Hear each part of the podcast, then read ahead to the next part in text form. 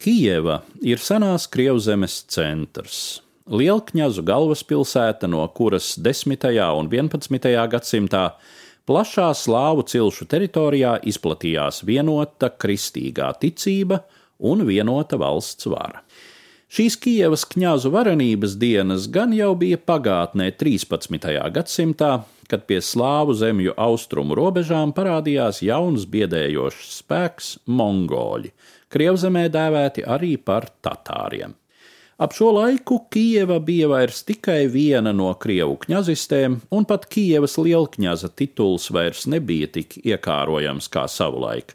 Austrumslāvu zemju smaguma punkti tagad bija pārvietojušies citur - uz Novgorodu, Vladimiru un Polotsku. Tomēr Kijevas krišanai Hana Batija komandēto mongoļu rokās 1240. gada 6. decembrī ir simboliska nozīme.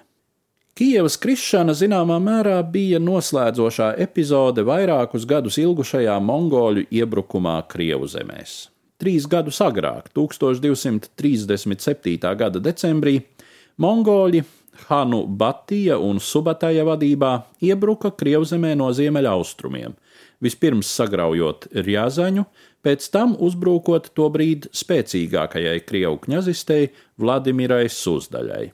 Tatāru galvenais trumpis bija ārkārtīgā mobilitāte.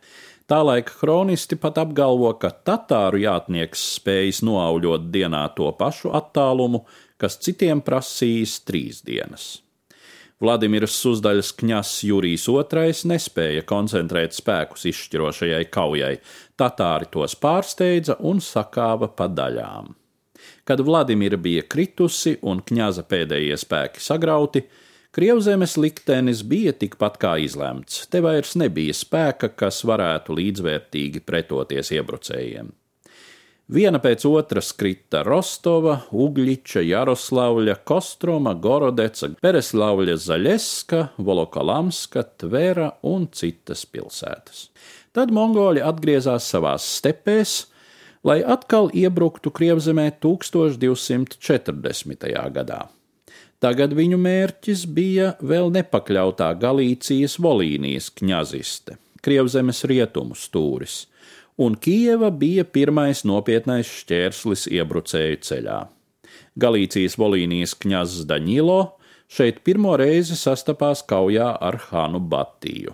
Pilsēta krita pēc vairāku nedēļu ilgas cīņas, tika smagi izpostīta, bet mongoļi auļoja tālāk uz rietumiem, ieņemdami un izpostīdami Galīciju Volīniju, tad Poliju, Ungāriju, Serbiju, Bulgāriju un apstādamies tikai pie vācu ķēzara valsts robežām.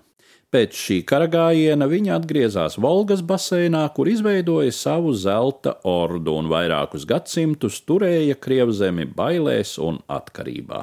Jāsaka, manis nulē atstāstītā versija ir tā, kuru daudziem no mums mācīja padomju skolā.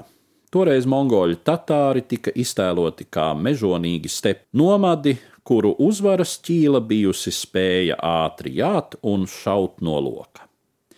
Jāteic gan, šīs spējas nav īpaši noderīgas, kad jāieņem nocietinātas pilsētas. Un vispār mongoļu militārie panākumi nebūtu iespējami bez augstas organizētības pakāpes, kāda diezin vai panākama primitīvā cilšu sabiedrībā.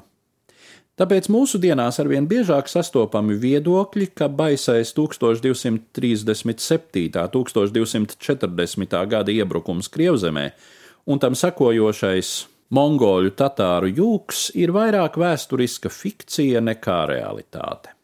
Patiesībā spēcīgākie krievu kņazi vienojušies ar mongoļiem, lai izmantotu viņu spēkus cīņai pret katoliskajiem rietumiem, kuri tobrīd uzsākuši ekspansiju pirmām kārtām jau Baltijas telpā, un arī lai pakļautu dažus nepaklausīgākos vasaļus.